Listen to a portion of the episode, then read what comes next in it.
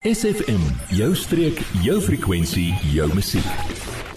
Legally armed. Al die sukkel uit vuurwapenlisensie aansoeke en hernuwings. Of jy jagter en sportskut is, sekuriteitsbesigheid, 'n wildboer of jagbesigheid het. Legally armed Southern Cape and George is reg om jou te help. Skakel vir Andrei 082 498 0153.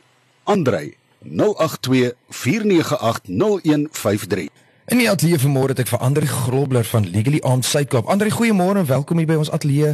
En ons sê goeiemôre. Baie dankie. Dis lekker om jou te hê. So ons gaan 'n bietjie praat oor boedels en vuurwapens en al daai goedes. So wat is 'n wet wetlike aspekte rondom die hantering van vuurwapens van 'n af, afgestorwe boedel? Ons kry baie die vraag oor hoe word dit hanteer?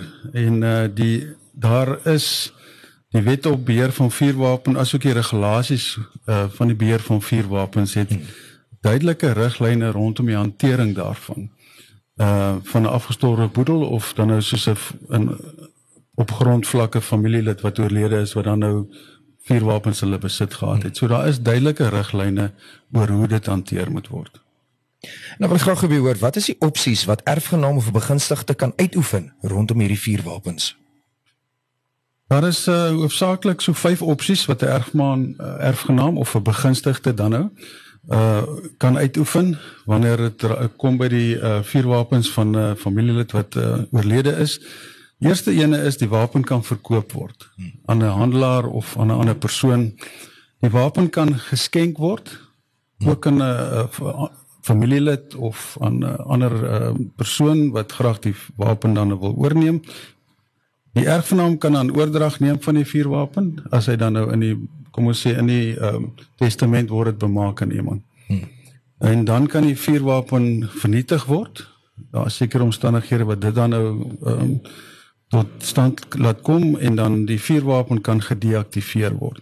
Nou 'n vuurwapen wat gedeaktiveer word is wanneer hy dan nou in so 'n toestand is dat hy nie meer kan werk nie. Hmm. Maar dis 'n proses. So elkeen van hierdie 5 opsies uh is daar sekere vereistes volgens die wet op die beheer van vuurwapens wat dit aan moet voldoen. So uh as die wapen dan verkoop word uh, aan 'n persoon moet hy deur die regte papier en en vaardighede het en hy moet uh, bevoegd verklaar word deur die polisie.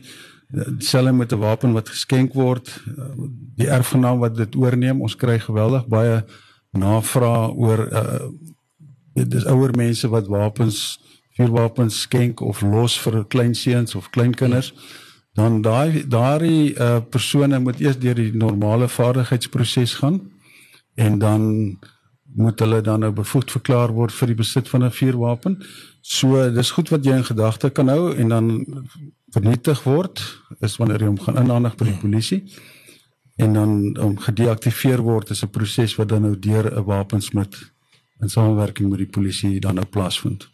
So van hierdie opsies wat jy sê is meestal dit gaan gepaard asof jy 'n nuwe lisensie gaan kry al is dit nou maar al gee hom nou vir jou ja. kind al al skenk jy hom of verkoop jy moet nog steeds deur al die prosesse gaan. Da, daar is 'n hele klompie prosesse op elkeen van hierdie opsies wat jy uitvoer. Ehm um, moet daar 'n sekere klompie goed in plek wees en dan is daar uh, volgens die wet uh, vuurwapenwet moet jy dan nou ehm um, dit in daai opsigte hanteer en aansoek doen en in 'n regte plek wees met bevoegdheid en vaardigheid. Word deel van ons Facebookblad vandag nog facebook.com vorentoe skuinstreepie sfm streek. Andrei sê vir my wanneer het 'n vuurwapenlisensie verval in 'n bestorwe boedel? Ja, dis nogal 'n vraag wat ons ook redelik gereeld kry is ehm um, indien die vuurwapenlisensiekaart se vervaldatum ehm um, na die datum van afsterwe van die persoon is, word die vuurwapenlisensie nog as geldig beskou. Hmm. Indien die vuurwapenlisensiekaart se vervaldatum voor die datum van afsterwe was van die oorledene, dan word dit as 'n vervalle lisensie beskou. En ander sê vir my, hoe beïnvloed 'n vervalde vuurwapenlisensie die erfgenaam of begunstigde se opsies?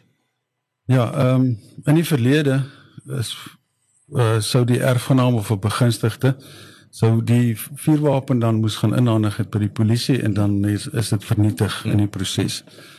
Maar ek uh, teen die tyd is dit redelik bekend. Daar was 'n uh, hofuitspraak in die konstitusionele hof uh, tussen die minister van polisie en Fidelity Security Services. Ek dink dit was in Mei 2002. Ja, verlede jaar in Mei maand gewees. Waar daar 'n onderskeid getref is tussen die eienaarskap van 'n vuurwapen wat jou eiendom is en dan die besit daarvan. Hmm.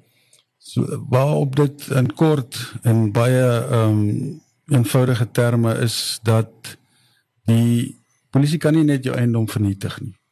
En dan is daar dit vir die polisie gevra om dan nou te sê uh hoe gaan julle dit hanteer? So dit gaan daarop kom nou daarop neer dat uh die vuurwapen eienaar dan moet herlisensieer. Hmm. Maar deur middel van 'n nuwe aansoek waar die polisie van vooraf kan uh tyd neem om daaroor te dink en of hulle die lisensie gaan goedkeur of nie. Ehm um, so die lisensiehouer is dan nou geregtig om weer aansoek te doen vir die lisensie van daardie spesifieke vuurwapen wat op 'n uh, vuurwapen lisensiekaart mm. wat verval is. In die geval waar 'n vuurwapen eienaar oorlede is met 'n vervalle lisensie, dit het dan ook 'n gevolg daarvan gehad, die hofuitspraak word die normale proses gevolg vir die hantering van 'n boedelvuurwapen se lisensie aansoek. So want dit is dan nou 'n bate. Hmm. As ons dan nou teruggaan in 'n gesprek wat ons nou nie heeltemal in die reg tegniese aspekte van boedels moet inval nie, maar dis 'n bate. So die vervalle lisensie van 'n persoon in 'n boedel word dan nou hanteer uh soos 'n normale boedel vuurwapen lisensie aansoek. Baie interessant. Jy, ja jy. Nou dat ons jou aandag het, vertel jou vriende van SFM en ondersteun plaaslik. SFM maak elke dag 'n goed gevoel dag. SFM. Ek dink die vraag wat baie mense vra is mag ek 'n vuurwapen by my stoor wat ek uit 'n bestorwe boedel gekoop het? Ja, dit is nogal 'n vraag. Ehm um, wat ons ook gereeld op by die kantore kry. Die regulasies vir die beheer van vuurwapens, uh, regulasie 1032A en B verwys spesifiek na hierdie vraag. Nou, dit kom maar daarop neer dat indien die eksekuteur nie oor die voldoende stoorfasiliteite beskik nie, mag die eksekuteur magtiging toestaan dat die uh vuurwapen gestoor word mits die koper 'n geldige vuurwapen lisensiehouer is en oor die nodige stoorfasiliteite beskik uh in terme van uh regulasies 86 Ehm um, dit beteken net jy moet ordentlike stoorfasiliteite hê wat goedgekeur is deur die um, polisie. Nou ons kry baie keer die vraag en sê maar ek is ek is wel bevoegd Nee, jy kan nie dan dit stoor. Jy moet 'n lisensie uh vuurwapen lisensie ouer wees. 'n Bergings uh, onderteken deur die eksekuteurs moet dan vooraf by die uh kopers uh plaaslike aangewese vuurwapenbeampte ingehandig word saam met die gesertifiseerde boedeldokumente. So daar's 'n klompie dokumente wat jy nodig het om dan nou na jou ons ek dink hulle is meer bekend as DFO's hmm. te vat en dan nou aansoek gaan doen vir 'n in layman's terms soos hulle sê vir 'n stoorpermit. So ja, dit dit kan gebeur, maar daar is weer een sekere goed wat in plek moet wees daarvoor en daar is sekere goedjies wat ehm um, die regulasies en so aan bepaal oor wanneer kan jy en wanneer kan jy nie 'n wapen stoor nie. Ons het uh, ek dink so rukkie terug, 3, 4 maande terug is daar 'n nuwe stoorpermit wat uit is wat daarop neerkom dat die polisie moet fisies daai kluis vir jou gaan inspekteer ehm um, indien daar so 'n versoek deurkom van 'n eksekuteur dat 'n wapen gestoor kan word by jou. Dis baie interessant. So Andre, vertel my gou meer van Legally Armed Suid-Kaap en waar kan die luisteraars julle kontak of in die hande kry as hulle meer wil weet oor hierdie aspekte van boedels en en stoor wat ons oor gepraat het vandag.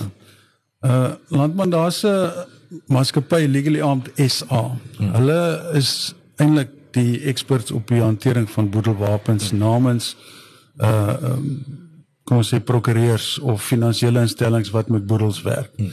So as uh, mense wil in kontak kom met Legally Armed SA, dan kan hulle my kontak by um, ek is Legally Armed Suid-Kaap wat in, ons het 'n kantoor in George. So jy is vry om my te skakel. Ek is op 082 498 0153.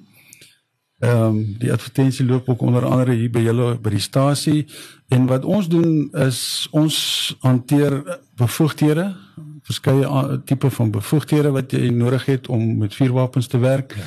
Ons doen vreeslik um, baie aansoeke, vuurwapen aansoeke. Nou praat ek nie net van jagters en sportskits nie. Ons praat nou van besighede soos uh sekuriteitsmaatskappye. Ons het 'n hele klompie wat ons hanteer. Uh ons praat byvoorbeeld van ehm um, jag ehm um, jagondernemings en daar's 'n verskeie verskeidenheid van besighede wat met vuurwapens of vuurwapens nodig het om hulle werk te kan doen. Ons praat selfs van die gidse wat op van hierdie plase met gevaarlike wild en so aan rondloop en so. So ehm um, enige tyd skakel ons uh met betrekking tot vuurwapen aansoeke en dan om ook om bevoegdheid uh, te kry vir om wapens te kan besit. So as 'n luisteraar soos 'n handwapen het, kan hy ook na julle toe kom en alles julle ja, doen die proses help hulle deur die proses en al alles. Al jou artikels of waar volgens jy 'n wapen kan besit 13, 14, 15, 16, 16A hmm.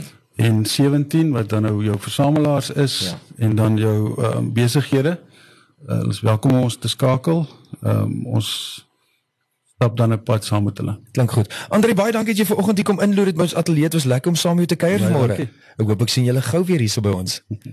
Legally Armed Southern Cape in George takes the anxiety out of firearm licensing applications and renewals. Whether you are a hunter, sport shooter, game farmer, security, or hunting business, Legally Armed Southern Cape can help. Call Andre 082 498 0153. It's Andre 0824980153. Adverteer jou besigheid vandag nog op SFM. Vir meer inligting skakel SFM gerus by 044 801 7811.